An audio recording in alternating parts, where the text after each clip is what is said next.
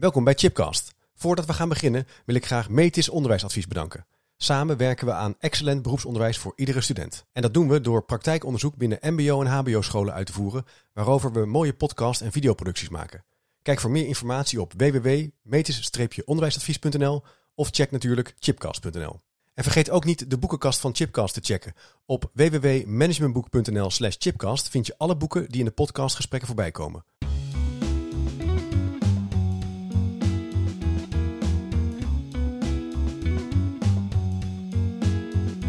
Welkom bij weer een nieuwe aflevering van Chipcast. Deze aflevering is onderdeel van een drieluik over de rol van de universiteit waar wij, Frederike en ik, Hessel, aan mee hebben mogen werken. Onze gast vandaag staat bekend om zijn kritisch perspectief op het onderwijs. Binnen een carrière aan de universiteit, maar ook in de media. Zo is hij geregeld te gast geweest bij De Wereld Draait Door, was vaste commentator bij de welbekende documentaire serie Klasse en is hij co-auteur van meerdere boeken over onderwijsmythes. Frederik en ik kennen hem echter uit de collegezalen als spontane docent met een humoristische aanpak en intrigerende colleges, waarin hij onder, onderwijs gaf over onder andere wetenschapsfilosofie, onderwijspsychologie en assessment en evaluatie. De laatste is precies waar we het vandaag over willen hebben. Wat vinden wij van de rol van toetsing binnen de universiteit? Welkom, Casper Hulshoff. Dankjewel. Ja, dus uh, ongeveer een globale opzet wat vragen die wij vandaag hopen te, te bespreken is, uh, is toetsing nodig? Wat zijn we nou echt aan het meten? Wat willen we nou meten? Wat wil je leren? En hoe verre is er een curriculum wat gebonden is aan het assessment? Is dat waar het eigenlijk om gaat? Is het curriculum wat aangepast zou moeten worden of zoiets? Maar om te beginnen wil, wil ik beginnen met een uh, speldartikel van uh, ja, Saterie voor de mensen die het niet weten, van 23 mei. En de wetenschappers hebben toch ontdekt dat het bij twijfel toch altijd C is. Maar wat vind je daarvan, Casper? Ja, dat is een fantastisch uh, antwoord op een vraag, uh, inderdaad. Uh, ik zeg het in mijn college ook wel eens. bij twijfel gok altijd C, bij meer keuzevragen. Um, is natuurlijk een, ik haal daarbij vaak een onderzoek aan van klassiek onderzoek aan van, van Hoogstraat en ja, nog een, nog een ander klassiek experiment waarbij ze studenten alleen maar antwoorden op vragen gaven. En de vraag was, wel, wat is het goede antwoord? Dus je kreeg A, B, C, D. En dan moest je zeggen wat het goede antwoord was. Dus, uh, en dat heet dan uh, antwoordtendenties in afwezigheid van een vraag. En dat is natuurlijk een methodologisch artefact van je welste wat je dan krijgt. Maar dat maakt verder niet uit. Want het is wel bij een grote groep heel leuk om dan te kijken van wat, wat zeggen mensen nou als antwoord als ze geen idee hebben wat überhaupt de vraag zou moeten zijn. Ja. En dan zie je een enorme voorkeur voor C uh, ontstaan. En grappig genoeg is het zo dat vraagmakers, dus de mensen die de vraag construeren, dat die ook die neiging hebben om dat soort uh, tendensen te hebben. Dus uh, ja, bij twijfel gok altijd C. Het, het, is meestal het goede antwoord. Het is niet altijd zo. Want ik was, uh, ik was ooit te gast bij CITO. En die vertelde mij toen, dit was overigens, ik meen dat het geheim was, ik weet het niet zeker. Maar goed, ik vertel het nu maar.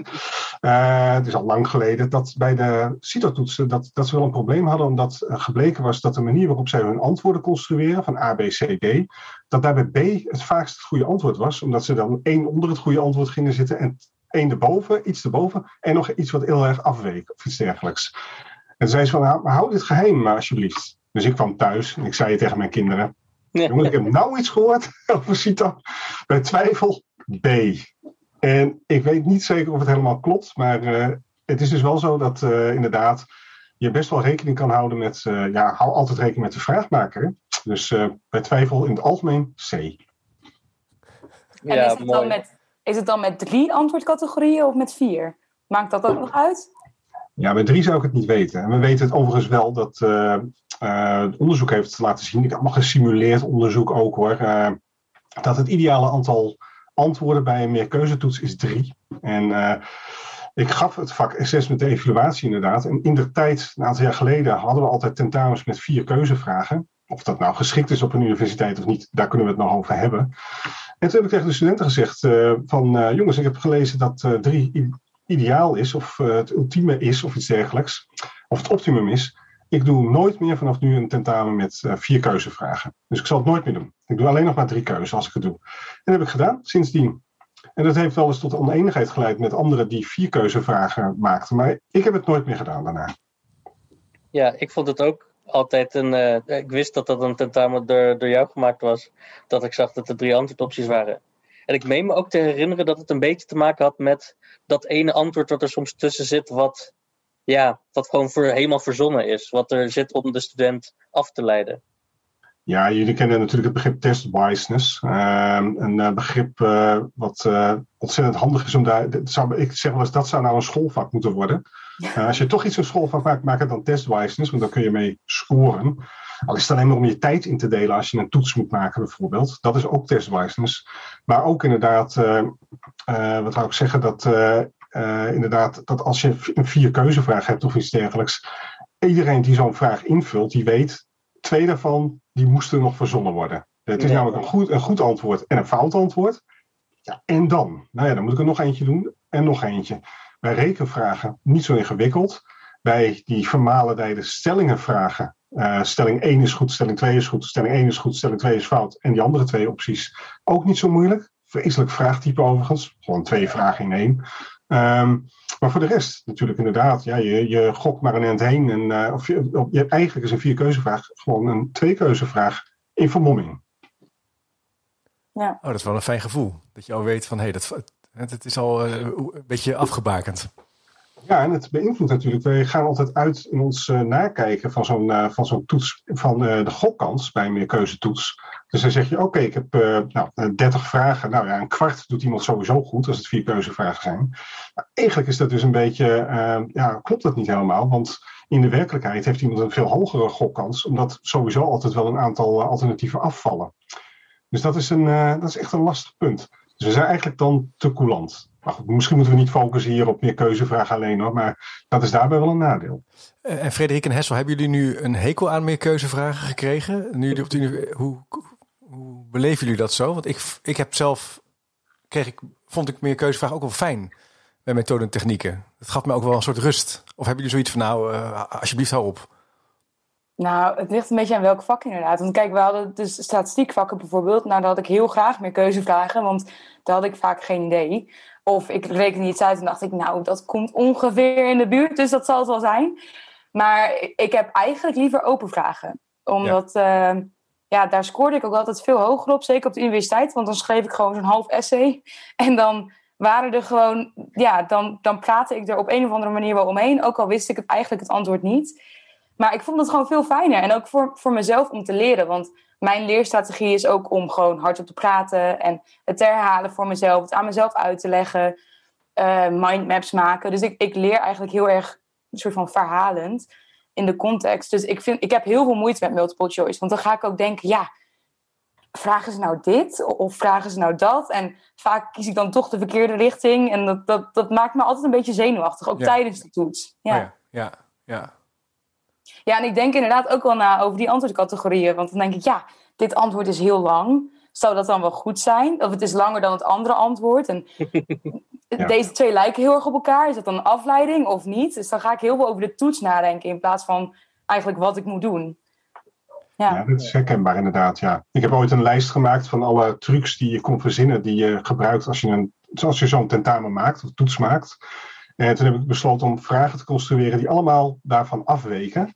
Dus inderdaad, het langste antwoord zal wel goed zijn. Dit is een strategie die iedereen herkent. Uh, maar dan dacht ik, nou, ik doe expres dat het kortste antwoord goed is. En dan zet ik er een paar lange tussen. En dan werden studenten vaak ook wel boos om.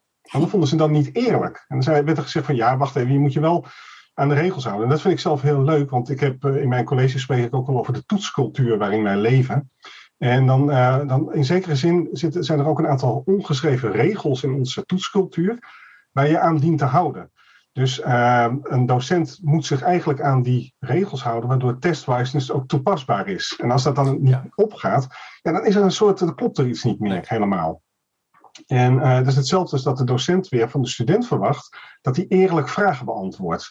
Dus jullie kennen allemaal van die voorbeelden die op internet als memes allemaal langskomen van uh, nou, met zo'n driehoek waarbij onder staat find x. En dan zegt hij, daar zit hij. Er zit gewoon x.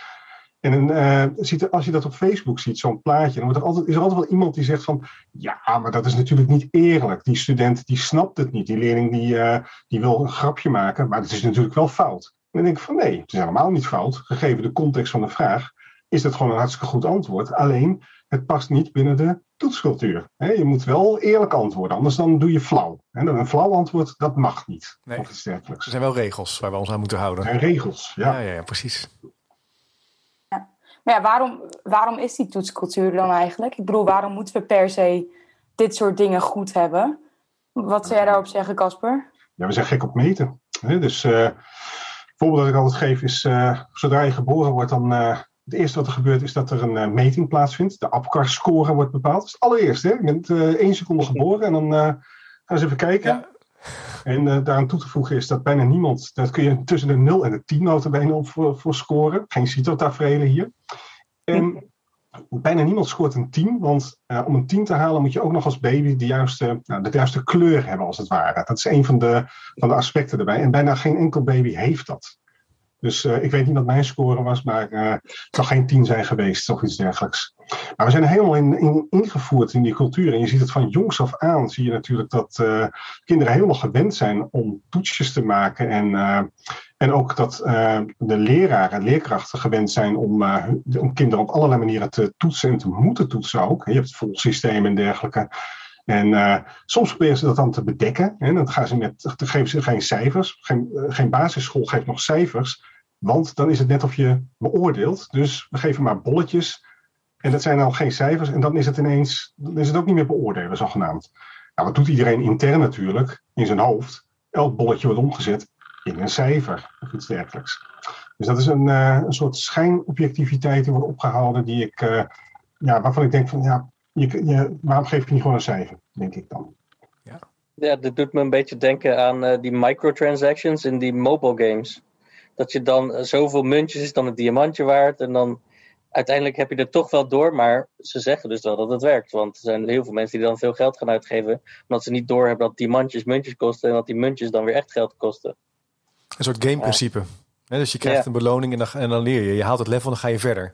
Eh, ja. Ik had toevallig vandaag kwam, of gisteren kwam onze oudste thuis. Die zei: Ja, ik had een CITO gemaakt. Die zit in groep 6. Ik had eh, ja, toch wel veel fout. Meer dan normaal. Eh werd al meteen, uh, dat de docent had nagekeken. En normaal doet hij het best wel goed op rekenen. En nu zei hij ja, iets meer. Dus blijkbaar kinderen hebben dat natuurlijk ook heel snel door. Van dit is blijkbaar ongewoon. In vergelijking Ja, met wat ik. ook continu. Ze vergelijken, hè? Dan, oh, heel veel heeft Casper. En dan is dat dan niet goed of wel goed. Is dat, erg, is dat erg dat, we, dat kinderen dat doen? Wat vinden jullie daarvan? Is dat erg? De moeilijke vraag is dat hoor. Ehm, eh, je hebt natuurlijk sociale, sociale vergelijkingstheorie in de zin van dat mensen al, altijd, dat is gewoon een heel natuurlijk iets, mensen vergelijken heel graag zich met anderen. Ja. Ehm, dus het vermijden zul je het zeker niet. Er zijn, ook, er zijn natuurlijk ook eh, allerlei onderwijsdenkers die vinden dat je dit zoveel mogelijk moet vermijden. Eh, dat je bijvoorbeeld uit moet gaan van ieders talent en dat het volstrekt oninteressant is wat een ander kan. Ik denk dat het bijna onvermijdelijk is uh, dat, dat, dat dat gebeurt. Ik denk wel dat je het enigszins kunt indammen door bijvoorbeeld niet alles te willen toetsen, bijvoorbeeld. Ik vind namelijk zelf, dat is een van mijn stellingen in het algemeen, is dat er veel te veel getoetst wordt. En uh, dat dat best op een aantal punten, dat je best als leerkracht of docent kunt afvragen, moet ik alles wel willen toetsen? Of moet ik altijd willen toetsen? Want ik zeg altijd, elke tijd die je besteedt aan toetsen, die besteed je niet aan onderwijs. In zekere zin. We moeten ja. wat een beetje gechargeerd. Ja. ja, vooral naar mijn idee als je het dan een beetje summatief hebt. In ieder geval als het gaat om voor een cijfer dus. En, want dat is hoe, hoe, als ik nu jou hoor, hoor praten, dan denk ik meteen aan formatieve toetsen. Dus die halverwege waren. Als de docent het alleen al zo anders verwoordde, vond ik het al veel minder erg. En voelde het al veel minder als een toets, als meten. Dan dacht ik gewoon oprecht dat mijn docent zich afvroeg hoe, hoe ver ik was. Of hoe, nou, gewoon waar ik was in vergelijking met waar ik dacht dat ik zou moeten zijn. Ja. Dat idee. Dat vond ik dan wel prettig. Dus het is ook de manier waarop een docent met je omgaat. En het, het inkadert, het voorbereidt, met je over, de, met je over praat. Hm. Ja, terwijl dat natuurlijk degelijk een, een vorm van assessment is. En uh, ja, ik, ik ben dus daar een beetje voorstander van. Dus veel meer richting uh, formatief dan in plaats van summatief.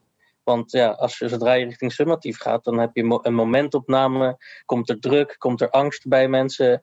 En dan, ja, dan, dan heb je weer het hele idee van, ben ik wel goed genoeg voorbereid voordat ik naar een toets ga? Dat zie je hier op de universiteit heel veel. Dat mensen dan gewoon, nou ja, niet naar de eerste toets gaan, hebben die dan wel recht op een derde kans daarna, et cetera. Ik ben er zelf ook uh, schuldig van. Dat, dat is gewoon ja. Ja, heel veel druk die dan opbouwt en dan Ja, waar ik wel benieuwd naar ben over, en zo over die druk. Um, ik sprak toevallig recent Maarten van Rossum in de podcast. Mhm. En die is natuurlijk, is geen, die, die vindt gewoon allerlei dingen. Hè? Dus dat is heerlijk om naar te luisteren. Die kan gewoon uren praten en daar kan ik dan naar luisteren. Maar die zei, ja, vroeger was het toch ook geen druk? Wat een onzin, zei hij. Dat maakt je gewoon een examen en dan haalde je het of niet. En ik heb wel het idee vandaag de dag dat jongeren ook heel mondig zijn. Uh, om het te hebben over uh, spanning, stress. Um, dus niet dat het nou vroeger beter was, maar wat, weet, wat weten jullie daarover? Want vroeger werden er wel dit soort toetsen afgenomen. Veel meer dan nu misschien? Ja, vroeger was er gewoon veel minder druk. Er was, er was minder druk. Was, er was veel minder druk op, zeker op uh, studenten. Um, kijk, vroeger was het bijvoorbeeld helemaal niet erg als je een, eh, een jaar extra studeerde. Dat was geen enkel probleem. Dat, dat, uh, toen ik begon met studeren, toen was, net, uh, was het net geen zes jaar studiefinanciering meer. En dat, daar hadden ze voor op het Malieveld gestaan, kun je nagaan. Uh, dat werd toen vijf jaar. Maar een studie duurde vier jaar. Hè? Dus uh, uh, maar ik kon gewoon na vier jaar zeggen van, nou, ik plak er nog een jaartje aan vast. Ja. En ik, ik had op zich wel genoeg vakken gedaan, maar ik vond, het, ik vond dat ik eigenlijk nog niet zoveel kon op dat moment. Dus ik wilde gewoon nog wat meer doen. En dat, die mogelijkheid was er. Geen enkel probleem. Ja. Nou, ja, min of meer. nu moeten studenten per se werken erbij. En alleen al, dus ze hebben gewoon minder tijd. En dus het is uh, vanuit een bepaald. Ik zou ik tegen Van Rossum kunnen zeggen dat het vanuit een zeker geprivilegeerde positie is ja. uh, gesproken. Om te zeggen van ja, ik snap niet waar ze zich druk om Nee, duidelijk. Ja, snap ik helemaal. Inderdaad, het was gewoon minder druk. Het is nu spannender. Je moet sneller door. Ja, we hebben het natuurlijk in de eerste podcast ook over gehad, hè, Frederik? Ja, ja. ja ik, ik denk inderdaad dat, dat de, de vrees voor uitloopt, maar ook dat we misschien gewend zijn om sowieso veel meer te delen. Want kijk, iedereen zit de hele dag door op WhatsApp en als er een cijfer online komt, dan uh, wordt het meteen gedeeld in alle groepsapp van hey, uh, Casper heeft de cijfers online gezet of wat dan ook. Dus er komt sowieso is het delen, denk ik, veel meer een soort van cultuur geworden, waardoor het misschien ook enger wordt om je cijfer te delen. Zelf heb ik het echter ook andersom wel meegemaakt. Dat ik bijvoorbeeld dan na een toets zei van... oh jeetje, dat ging echt niet. En dan kwam het cijfer door. En dan was het een 8. En dan had ik mensen omheen die zeiden van... nou, hè, wat stel je je aan, weet je wel? Nou, dan, dan deelde ik het ook niet meer. Want dan dacht ik ook, ja, waar maak ik me eigenlijk ook inderdaad druk om? Dus ik denk dat het gewoon sowieso het hele cijfers met elkaar vergelijken... is gewoon heel populair op dit moment, denk ik. Dus misschien dat daar ook wel een stukje hm. van, die, van die druk vandaan komt. Ja, ja. Ja, wat, wat je nu een beetje aankaart is dus de collaboration versus competitie. En dus ja, dat, het idee van zijn we hier om samen dingen te leren en elkaar te helpen? En of zie je je medestudenten een beetje als competitie?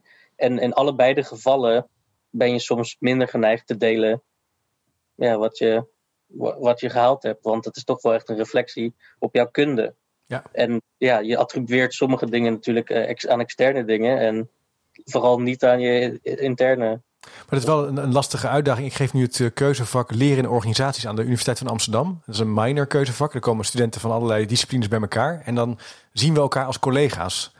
Uh, dat vak heb ik met Jozef Kessels ontwikkeld. Dus wij zien elkaar niet als docent-leerling. Maar we zeggen, nou, we hebben een aantal vragen van bedrijven. Bijvoorbeeld eh, KPMG of een school. En die hebben een probleem. En dat gaan we proberen op te lossen of een advies over te schrijven.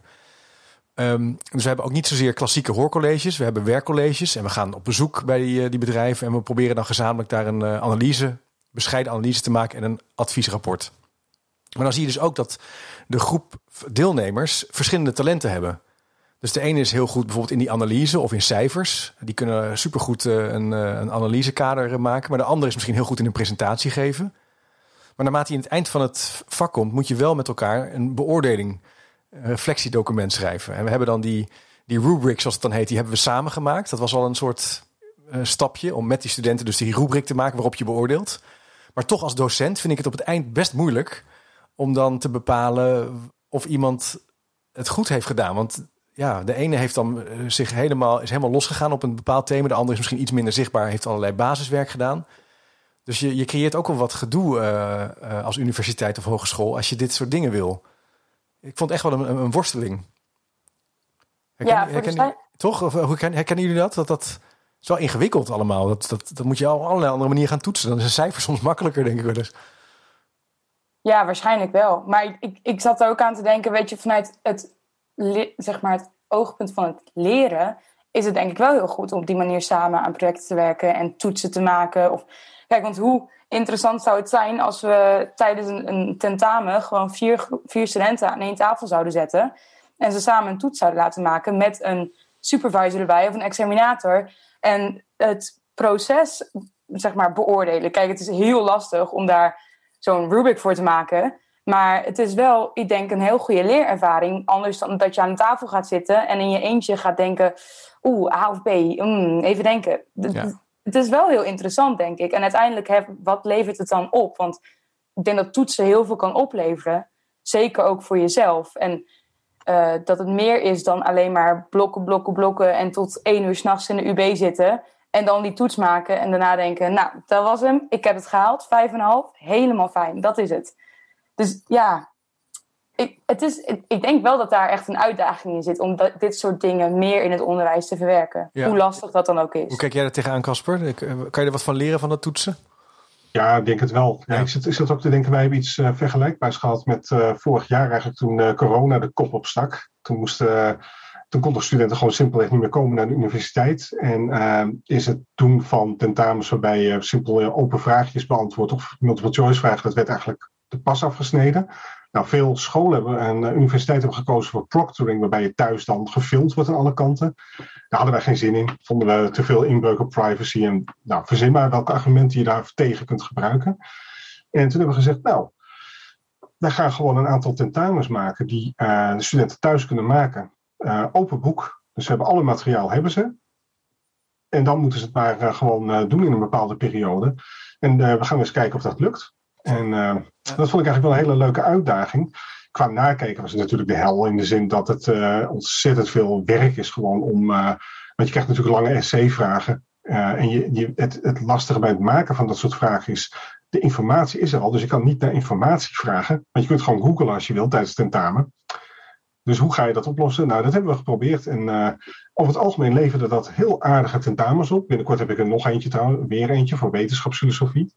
En uh, ja, dat levert eigenlijk hele leuke toetsen op. Uh, en we zeiden echt tegen elkaar van nou, dit gaan we niet loslaten als nu alles voorbij is. Uh, en ze zitten weer in dat zaaltje in, in Educatorium Gamma, zoals het zo mooi heet. Ehm, zitten ze bij elkaar. Ja, waarom zouden we het dan heel anders doen? De enige reden die je hebt is de logistiek ervan. De logistiek, ja. Want ja. het is... Wat dan? Nou ja, het is niks makkelijker dan meer keuzevragen nakijken. Ja, precies, dat, precies. Ja. dat is één seconde werk. En nou ja, min of meer. Hè. Um, maar uh, grote essayvragen nakijken, ja, dat is toch wel een andere, toch wel andere koek. Die is ook lastiger, uh, lastiger te verantwoorden. Het is subjectiever. Ja, dat is het. En ik vind dat één ding dat daarbij belangrijk is, is dat je dat erkent. Dat je ook zegt van ja, is subjectiever. Misschien uh, ligt het aan mij. Hè? Maar we, we, zijn zorgvuldig, we zijn autonoom als docent. we hebben er een beetje verstand van, pretenderen we. We denken dat we dit kunnen. Ja, dat vind ik ook wel interessant. Want wat er op de universiteit gegeven wordt qua kennis, is toch ook vaak. Je wordt een kritische houding en een, dus een subjectieve interpretatie van bepaalde disciplines wordt je aangeleerd. Dus dat zou ik juist vinden als een, als een voordeel. Als je gaat kijken naar wat zijn mensen nou echt daadwerkelijk aan het leren, dan moeten ze ook leren omgaan met de informatie die ze ja, op een uh, assessment uh, moeten delen.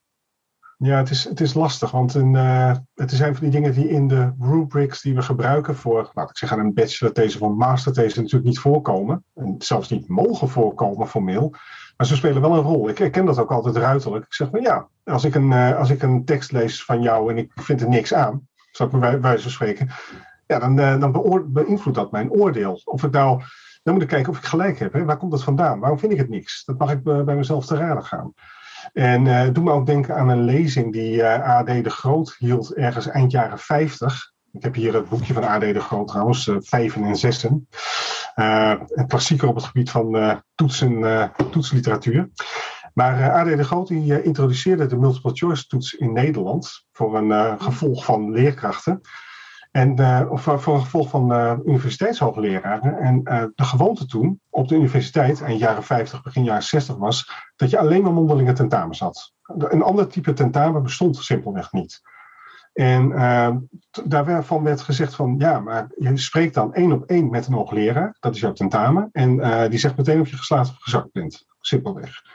En als je dan zegt van, ja, maar is dat wel eerlijk? En het antwoord daarop was, dat uh, er erkend werd dat het niet eerlijk was. Maar dat werd gezien als een voordeel van, de, van die manier van toetsen. Want in het echte leven is het namelijk ook niet eerlijk. Dus je zult in je latere leven ook met mensen te maken krijgen, een baas of anderen. Misschien weet je zelf wel zo'n baas of hoogleraar. En uh, dan, uh, dan kan het ook zijn dat je op allerlei andere kenmerken afgaat dan alleen maar de inhoud. En dat werd gezien als dus een manier van validering van zo'n type mondeling. Ik vond dat zelf. Mooi.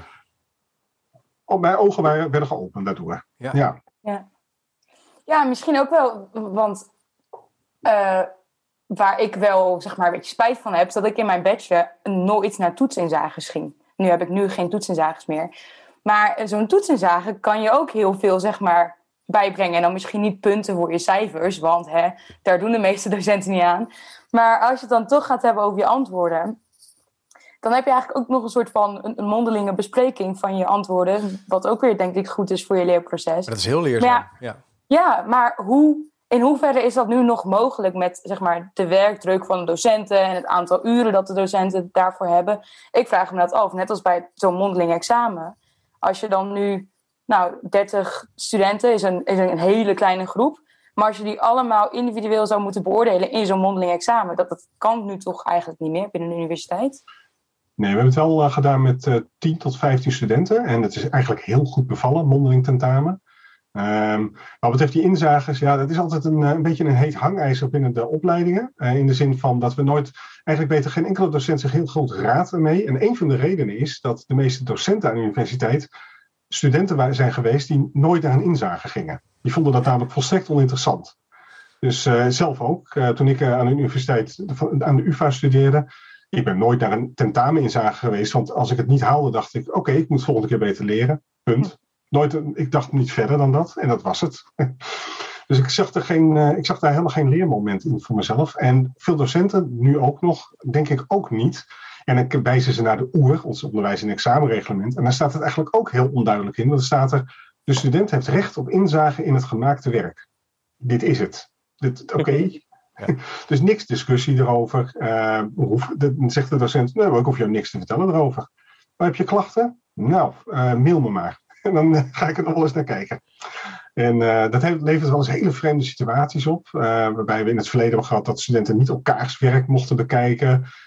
dat werd ook echt verboden met surveillanten erbij bij een inzage enzovoort. En het leverde tot sierlijke tafereelen op wat dat betreft. Nou, dat hebben we een beetje losgelaten.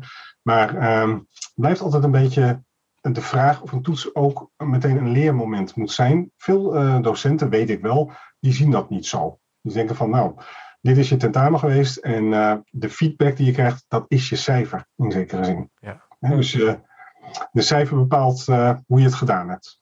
Cijfer. Ik heb wel aan de andere kant van de tafel als docent heel veel geleerd en nog steeds leer ik heel veel van het bespreken van bijvoorbeeld een kernopgave. Ik geef les bij een, in een HBO, in een HBO-master en dan hebben ze een kernopgave. En uh, die bespreken we dan. En ook de uitkomsten in een docententeam. En dat zijn voor mij altijd wel hele belangrijke momenten dat ik eigenlijk volgens mij nog meer leer dan de, dan de deelnemer zelf. Omdat je dan echt gedwongen wordt met elkaar te praten van... hey, hoe heeft diegene dat eigenlijk uitgewerkt? Wat staat er dan eigenlijk? Wat vind je daarvan? Hoe past dat bij de kerndoelen van de opleiding? Uh, en dat had ik ook wel toen ik docent was op een middelbare school met uh, de economie-examens. dat dat bespreken en dat bellen wat je dan had als je de scores moest doorgeven. Dat stiekem ik daar best wel veel van leerde. Als je dan een bepaalde docent aan de lijn had werd volgens mij nooit verteld. Dat was een soort, Mhm. daar heb je het niet over. Maar ik dacht altijd, oh ja, dat is wel een goed punt, weet je wel. Moet ik eigenlijk een puntje minder geven. Dat ge gebeurde eigenlijk Ja. ook wel.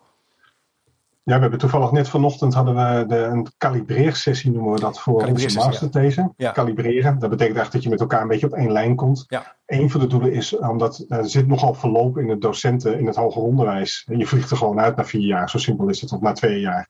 Of je vertrekt zelf, eh, tenzij je een vast contract krijgt, wat vrijwel niet gebeurt. Dus je zit met veel nieuwe mensen. Ehm, ja, dan is het toch de vraag van, eh, nou, je leest dus zo'n zo'n masterthese van een student. Dat is je eindwerk van de opleiding. Dat moet toch wel, eh, dat moet staan. Dat is een vol, volmaakt onderzoek dat iemand heeft uitgevoerd bij ons. Ehm, ja, hoe beoordeel je dat nou? Stel nou dat, dat je één dingetje nou niet zo goed vindt eraan bijvoorbeeld. Is het dan meteen een onvoldoende? Of Ja. kun je dat dan compenseren? Ja. En dat vind ik zelf ook heel leerzaam. Ja, na zoveel jaar ga je het vanzelf, denk je, van, eh, denk je het altijd beter te weten natuurlijk. Dat is de ene, denk ik sowieso altijd. Eh, maar daarnaast eh, denk, heb je ook alles wel eens een keer gehoord wat dat betreft.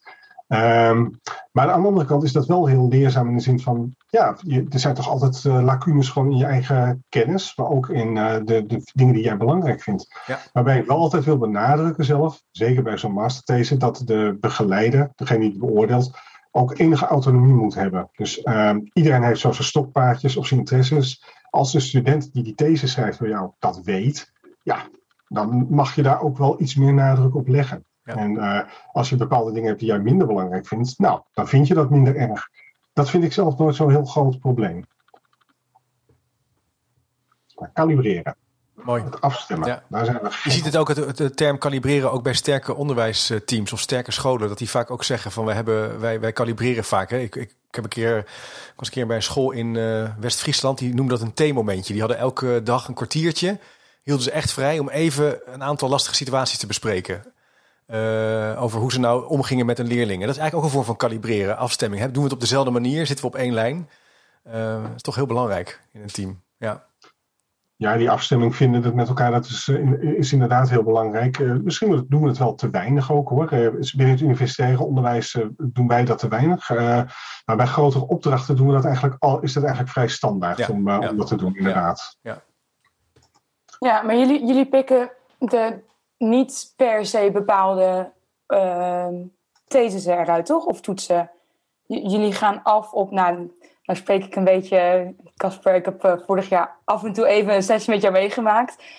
Um, maar jullie gaan gewoon puur random iets selecteren en dan het er samen over hebben, toch?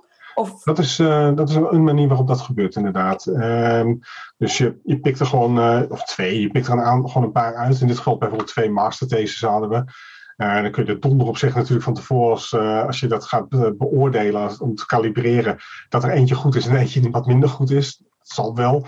Um, of wat, wat ik wel heb gezegd toen ik, ik ben, zit ook, ik ben ook lid van de examencommissie. Uh, wat je niet moet doen is je stuurt er eentje rond. Dus al, dat het, het was vroeger altijd een twijfelgeval.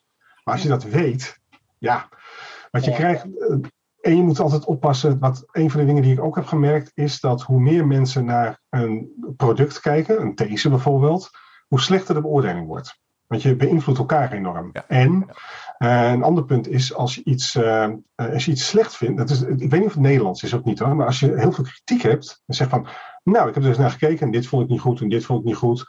Iedereen, iedereen tevreden. Maar zodra je zegt van. Dit vond ik nou heel erg goed. Dan moet je je gaan verklaren. Dan wordt er gezegd: Oh ja, waarom vind jij dat goed? He, want daar en daar zag ik toch een spelfout staan, bijvoorbeeld. Dus uh, wat er dan gebeurt bij het kalibreren is dat iedereen elkaar een beetje naar beneden zit te praten. En, uh, en, uh, ik heb meegemaakt dat een eerste bege begeleider van zo'n scriptie erbij zat. En die werd razend. zei van, nou verdorie zeg, ik heb diegene begeleid. En dat is een prima student. En ja, er zitten wat mindere zaken in inderdaad. Maar jullie zitten gewoon met elkaar dat grond in te, te praten. En dat is, uh, het is een heel sociaal proces als het ware, waar je heel erg op uh, bedacht moet zijn. Ja, ja wow. Ja, interessant kijken achter de schermen inderdaad. Want wat ik zelf fijn vind om te weten is dat als je een, een thesis schrijft, bijvoorbeeld, dat duurt gewoon een hele lange tijd. Dat is een proces. En dat is het rare en het moeilijke aan zo'n cijfer geven aan het einde. En ik vind het dan ook terecht dat zo'n begeleider daar ja, gewoon een beetje emotioneel of boos om wordt. Gewoon dat ze zeggen, ja maar ik heb deze persoon begeleid, ik heb dit meegemaakt. We kunnen nu wel hier een orde over geven, maar uiteindelijk denk, vind ik dit en is dit het cijfer wat ik zou willen geven. Dit is ook waarom je een tweede assessor hebt, om toch net een, be een beetje naar boven naar beneden te kalibreren. Echt niet om het helemaal overhoop te gooien, om het zo te zeggen. Ja, dat zijn lastige discussies. Bijvoorbeeld ook in deze tijd natuurlijk wordt er gezegd van nou, uh, student heeft last gehad, kon minder proefpersonen verzamelen vanwege corona. Nou, dat is een uh, gegeven onderwijsonderzoek wat dan lastig is om mensen te vinden, nog lastiger. Ja, daardoor is het wat minder geworden. Hoe erg vinden we dat nou? En uh, ja. eigenlijk, ja, we zeggen dan, hoe, hoe, beschrijf je het natuurlijk? Hè? Wat zeg je daarover? Doe je net alsof je neus bloedt als student en van oké, okay, dat was het. Dat is altijd wat minder natuurlijk. Maar neem je het mee, nou, een stuk beter.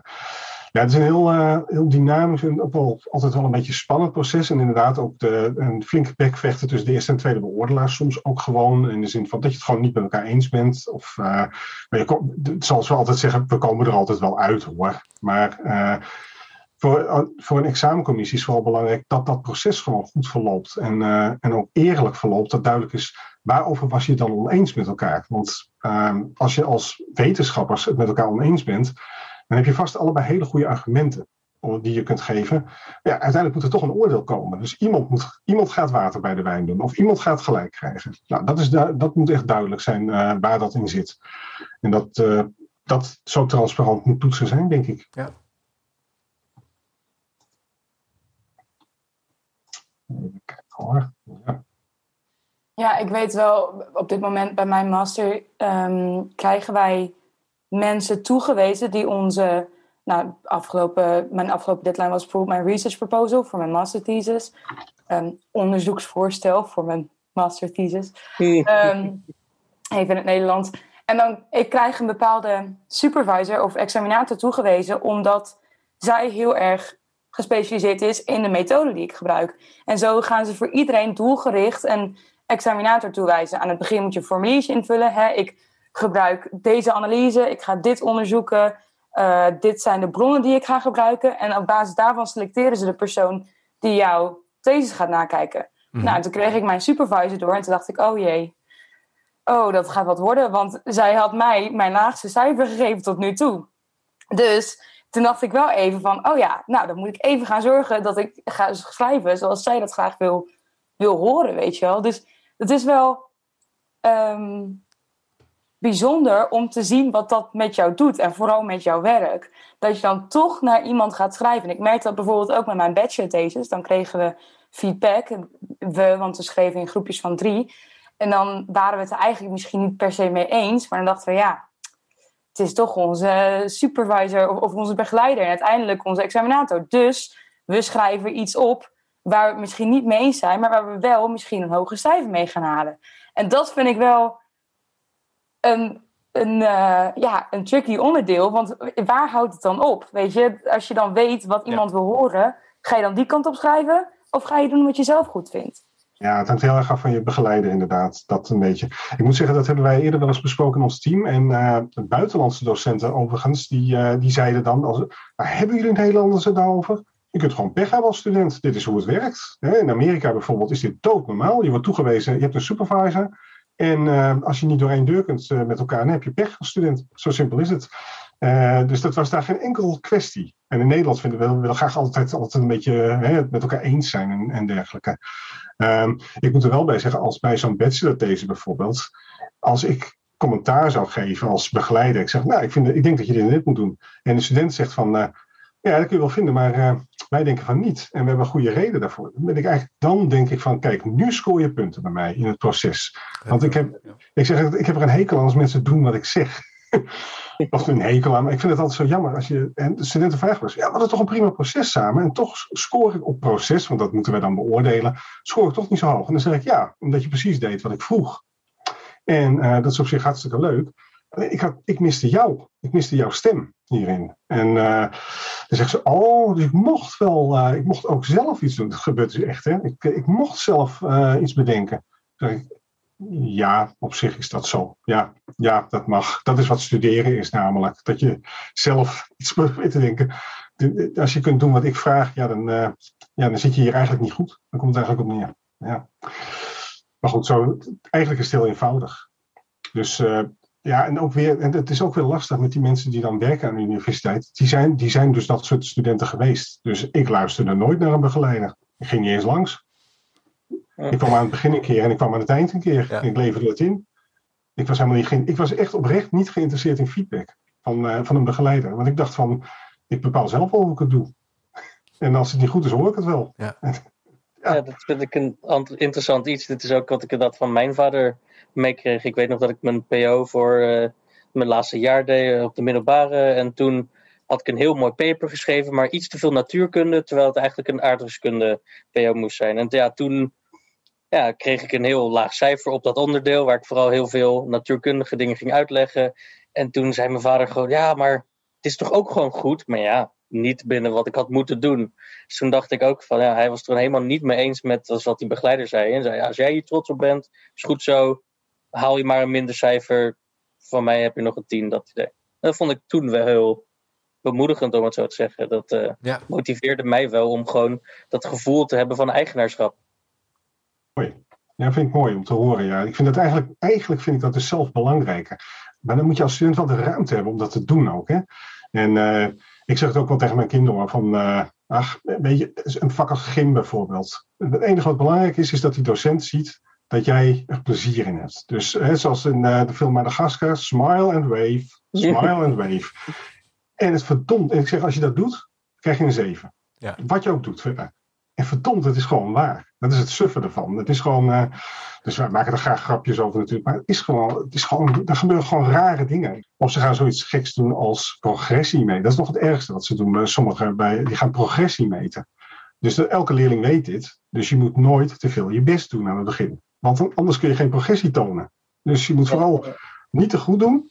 Maar je hebt dus ook kinderen die heel goed zijn ergens in ja, die kunnen niet meer groeien. Die scoren laag, omdat ze niet gegroeid zijn. Nou ja, ik, uh... ja dit is een voorbeeld van uh, mijn gymklas. Dan met de beep-test, dan kreeg je eerst een score. Ja. En je moest boven een bepaald iets halen. En dan, maar ja, je moest wel twee levels omhoog gaan hoor. Want dat was het, de bedoeling van de gymles. Dat je als fitter persoon eruit kwam. Want er was ook nog uh, ja, gezondheid als vak werd aan gekoppeld. Dus dat was echt een tijd waar je bezig moest zijn met je fysieke zelf. En dat was dan een vorm van een cijfer, ja. die progressie. Maar ja, heel veel verschillende systemen zijn er sowieso dus voor, voor cijfers geven.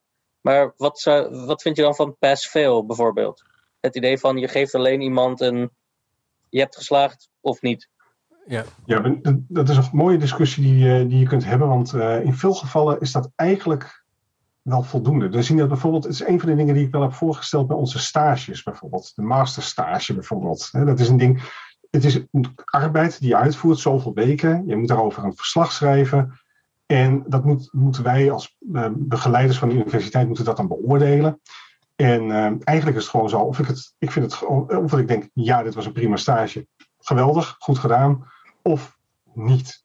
Daar komt het eigenlijk op neer. Maar nee, we hebben een formulier met allemaal dingetjes die we moeten invullen. En, en, en, en, dan kun je een drietje scoren en een viertje hier. En dan, en dan, uh, dan, komt dan, dan rolt dan een cijfer uit, maar op magische wijze. En uh, ja, dat, ik denk van, daar leent zo'n zo'n onderdeel leent zich niet echt voor een cijfer. En je merkt dat dat altijd een beetje wringt.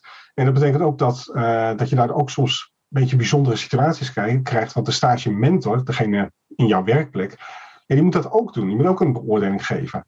En dan zegt de, de stagebeoordelaar ter plekke, die zegt dan van... nou, deze student, fantastisch, wat heeft die ons geholpen zeg. Deze krijgt een 10 van mij.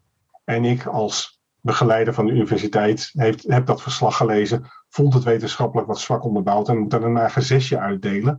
En dus dat, eigenlijk wil je gewoon zeggen van ja, je hebt gewoon voldaan. En je kunt misschien nog wel zeggen van je hebt met vol genoegen voldaan of iets dergelijks. Maar laat het eigenlijk gewoon een soort ritueel zijn waarbij je gewoon inderdaad slaagt of nog iets moet doen om te slagen. Ik moet denken, ik was maand geleden bij. Ik ben geen voetballiefhebber, maar ik, was in PSV-stadion bij Toon Gerbrands, de directeur van, uh, van PSV, om, om te interviewen voor een podcast samen met een collega van Simon van der Veer. En uh, daarna liepen we zo over die verdieping rond en er waren allemaal ruimtes waar uh, jongeren zaten die in het jeugdelftal zaten. Die zijn dan 15, 14, soms 16, met hun familie. En dan was er een heel groot scherm aan de overkant. En er zaten dan een trainer en een coach bij en dan werd alles doorgenomen. Ze konden dus zien van, nou Hessel, je hebt die wedstrijd eh, twaalf keer een paas gegeven. Na balaanname was dat een seconde. Dat is eigenlijk langzamer dan bij Ajax, maar wel weer sneller dan bij Excelsior, bij wijze van spreken. Het is iets sneller dan vorig jaar. Maar we weten wel in het eerste dat er 18 pases worden gegeven in de vijf minuten. Alles was meetbaar. Het was echt alles. En dan moest ik ook denken aan een ander voorbeeld bij Amazon. Daar worden ook de reactietijden. Als je in een magazijn werkt, dan moet je in een bepaalde tijd. Moet je dus en dan krijg je van, uh, nou, je moet nu het boek kopen van, uh, van die en die. En dan heb je zoveel tijd om het te pakken, zeg maar. Dus die, die, die, dat meten en dat examineren uit zich ook wel in een soort maximale transparantie van hoe snel we zijn. Of je het herkennen. Het heeft misschien niet zoveel met onderwijs en toetsen te maken. Maar ik moest er in één keer aan denken van, we weten eigenlijk alles. Dat is ook wel best wel in your face, zeg maar. Ja, maar wat het voor mij ook doet denken, is een soort sluier voordat je bezig bent met leren. Want je ziet dan deze statistieken en je ziet dat je beter wordt in de statistieken. Maar is dat daadwerkelijk waar je voor aan het toetsen bent? Want je bent ook deels, denk ik, aan het toetsen om een bepaalde inspiratiefactor bij de studenten te hebben dan bijvoorbeeld. Of uh, dat ze gemotiveerd ja, precies, raken precies. en geïnteresseerd, nieuwsgierig. Het is wel een punt dat je noemt, uh, Chip, want uh, learning analytics noemen wij het dan met een duur woord. Hè, het analyseren van iemands leren. dat kan ook gebeuren op een, nou, noemen ze dan unobtrusive, dus op een manier die je zelf eigenlijk niet door hebt dat je het meet. websites doen dit overigens massaal. Ik noem een Facebook bijvoorbeeld, die meet waar wanneer je klikt op bepaalde producten. Ehm, wij gebruiken ook allerlei online systemen en natuurlijk steeds meer gebruiken we die. En uh, er wordt wel eens gezegd van nou, kunnen we die activiteit van een student bijvoorbeeld niet op een of andere manier meenemen? En we gebruiken het onvolprezen Blackboard bijvoorbeeld als uh, management systeem voor onze onderwijsinformatie. Ik heb een logfile voor elke student waarin ik zie uh, op welke tijdstippen iemand heeft ingelogd in dat systeem. En ik vertel de studenten wel eens van, nou, stel nou dat ik jouw cijfer laat afhangen van de vraag of jij elke dag wel op een bepaald tijdstip bent ingelogd in dat systeem. Wat zou je daarvan vinden? Nou, vindt natuurlijk iedereen verschrikkelijk of irritant of iets dergelijks. Um, maar stel nou dat ik weet uit gegevens van eerder dat dat ook correleert met elkaar. Dat dat ook echt, echt zo is. Hè? Wie meer dat gebruikt, die haalt een hoger cijfer. Nou, dan kan ik jou op die manier best stimuleren. Dus ik help jou daarbij, zeg ik dan, als ik dat doe. dus ik, uh, ik dwing jou om een bepaald gedrag te vertonen, maar wel met een doel, namelijk om jou te helpen door je studie heen of iets dergelijks. Dus uh, ja, er is meer mogelijk dan studenten soms denken in dat opzicht. Ja, spannend inderdaad. Van, en, en, en wat vinden we daar dan van als je dus... Is dat dan moreel, is dat goed zeg maar om te doen? Om studenten dan een beetje te, te nudgen? Zeggen van ja, Hessel, uh, we hebben gezien dat in de afgelopen jaren... als je wat vaker inlogt, is de kans toch wel groot dat je je vak gaat halen. Is dat dan oké? Of moet je zeggen, ja, dat gaat mij, wat, gaat, wat gaat dat, die student moet het zelf bepalen. En dan haalt hij het dus niet. Dat is ook een vrije keuze. Nou, ja, misschien maar een keer. ja, dat doet me denken aan een, een thermometer, iets wat we hadden, Casper. Ik weet niet of je dat nog weet tijdens eh, een vak. En daar moest je dus elke werkgroep invullen. Hoe goed heb je je voorbereid? Uh, hoeveel uur heb je dat gedaan? En dat soort dingen. En dat werd toen onderzocht ter plekke. En dat was dan in het kader van: we proberen het voor jou beter te maken. Maar als student vond je het soms wel ja, ja, heftig. Of dat je dacht van: oh, heb ik, deze week minder gedaan? ik dacht dat ik het snapte. Want dan kreeg je daarna van de hele groep te zien hoe het was en zo. Ja. Dus ja. ja we, we meten er wordt onderzoek gedaan naar, uh, je hebt online video bijvoorbeeld voor, uh, in plaats van colleges bijvoorbeeld. En dan uh, kun je meten of studenten die video's dan bekeken hebben als voorbereiding of iets dergelijks. En ja, kijken in hoeverre dat invloed heeft op hun kenniskunde, welbevinden enzovoort. Dus ja, ik, uh, ik, ik, ben daar niet heel sterk een voorstander van. Maar het zijn wel, het zijn wel leuke dingen om eens naar te kijken. Van, kan ik dat meten? Ik vind het zelf ook wel weer een, uh, een onderdeel van de verscholsing of verkleutering. zoals ja. misschien zouden zeggen van het onderwijs. Universitair onderwijs. We hebben hier te maken met volwassen mensen die uh, ontzettend veel geld betalen om te mogen komen. Dus ik denk van we gaan, en daarna behandelen we ze alsof het, alsof het kleine kinderen zijn die aan de, aan de hand moeten worden meegenomen door de opleiding heen. En ik van, je kunt ook zeggen, waar zijn we nou in, in hemelsnaam mee bezig op dat moment? Ja.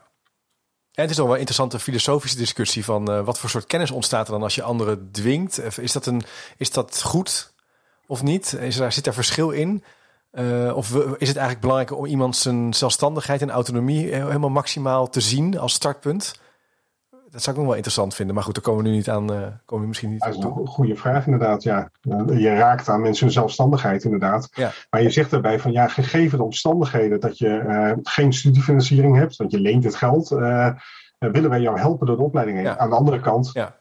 gaat de opleiding er dan uitzien als een fabriek waarbij de student er aan de ene kant in komt en zo snel mogelijk heen geperst wordt. Ja, dat is precies de kritiek die anderen natuurlijk geven op, uh, op de academische wereld. Die ja. uh, een soort koekjesfabriek ja. geworden is. En die zet ook weer druk op de docenten, et cetera, et cetera. Dat is een soort visieuze cirkel waar je dan in terecht komt. Ja, ja. Hm. ja, ja dus uh, ja, ter afsluiting, wat ik nu in ieder geval zelf geleerd heb, is dat we degelijk dingen kunnen leren van toetsen. Dat wij geneigd zijn om dat best wel veel te doen. Maar ja, wat is nou de reden dat we zouden moeten veranderen?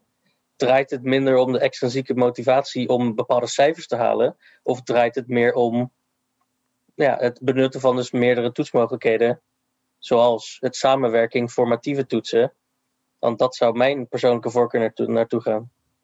Als, als student en als iemand die ja, het is ook onderwijskunde, uh, ja, een passie daarvoor heeft en merkt dat formatief toetsen ja, gewoon het, het, het, werkt gewoon. Het, die druk weghalen, dat zorgt ervoor dat mensen meer zichzelf zijn. En dat is wat je wil meten. Vooral op universitair niveau. Je wil. Maar ik ben er wel benieuwd, Hessel, is, dit- is, jouw, is dit jouw opvatting persoonlijk? Of hebben we dit ook gestaafd met, met onderzoek? Daar moeten we eigenlijk misschien nog wel eens op doordenken. Want Ja, ik merk nee, ook dat jij hier eh, heel duidelijk een opvatting over hebt. En dat is ook heel goed, hè? Dus ook, vind ik ook leuk om te horen, hoor. Ja, nee, dit is inderdaad eh, meer mijn persoonlijke mening. En eh, doordat ik dus door onderwijswetenschap inderdaad in contact kwam met het idee Ja, van formatieve toetsing, ben ik er steeds meer in gaan geloven. Dat, Ja. eh, nou, tijd voor een Dat promotieonderzoek. Hessel. Je moet het gewoon bij de kop pakken. Vind je niet, Casper? Zeker. Maar ik ben met je eens. Het is, eh, eh, ja, je moet ook in zekere zin een beetje van die. Dat, we zitten zo in. Ik ik noemde aan het begin al die toetscultuur. We zitten daar zo in. Ik vertel studenten ook wel eens van. Stel nou dat ik bij dit vak uh, assessment en evaluatie bijvoorbeeld. Stel dat we geen, eh, geen tentamen doen aan het eind. Ga je dan anders in dat vak in? Ga je dan anders leren? En dan zeggen mensen. Oh, als er geen tentamen is. Dan hoef ik ook niet dit en dat. En dan zeg ik. Je hebt net 2500, 3000 euro overgemaakt. En nu zeg je dat je niks gaat doen. Dat, eh, hoe werkt dit eh, dan? Je wil, je wil dus eigenlijk niks leren, begrijp ik. Zeg, nee, dat bedoel ik niet. Maar zonder toets, dan wordt het ineens, ineens gaat het, he- verandert een helemaal goed het denken. gesprek. Ja, ja. Het is heel moeilijk, eh, heel moeilijk om dat te doorbreken. En formatief toetsen kan daar zeker bij, bij helpen. Daar denk ik ook, ben ik Ja. van overtuigd inderdaad. Maar op een of andere manier, ergens onder de streep, wil men ook heel graag getoetst worden. Om te laten, alleen al inderdaad, wat eerder ook werd gezegd, om te laten zien van, eh, dat je iets gedaan hebt. Ja. Anders is het net alsof je niks gedaan hebt.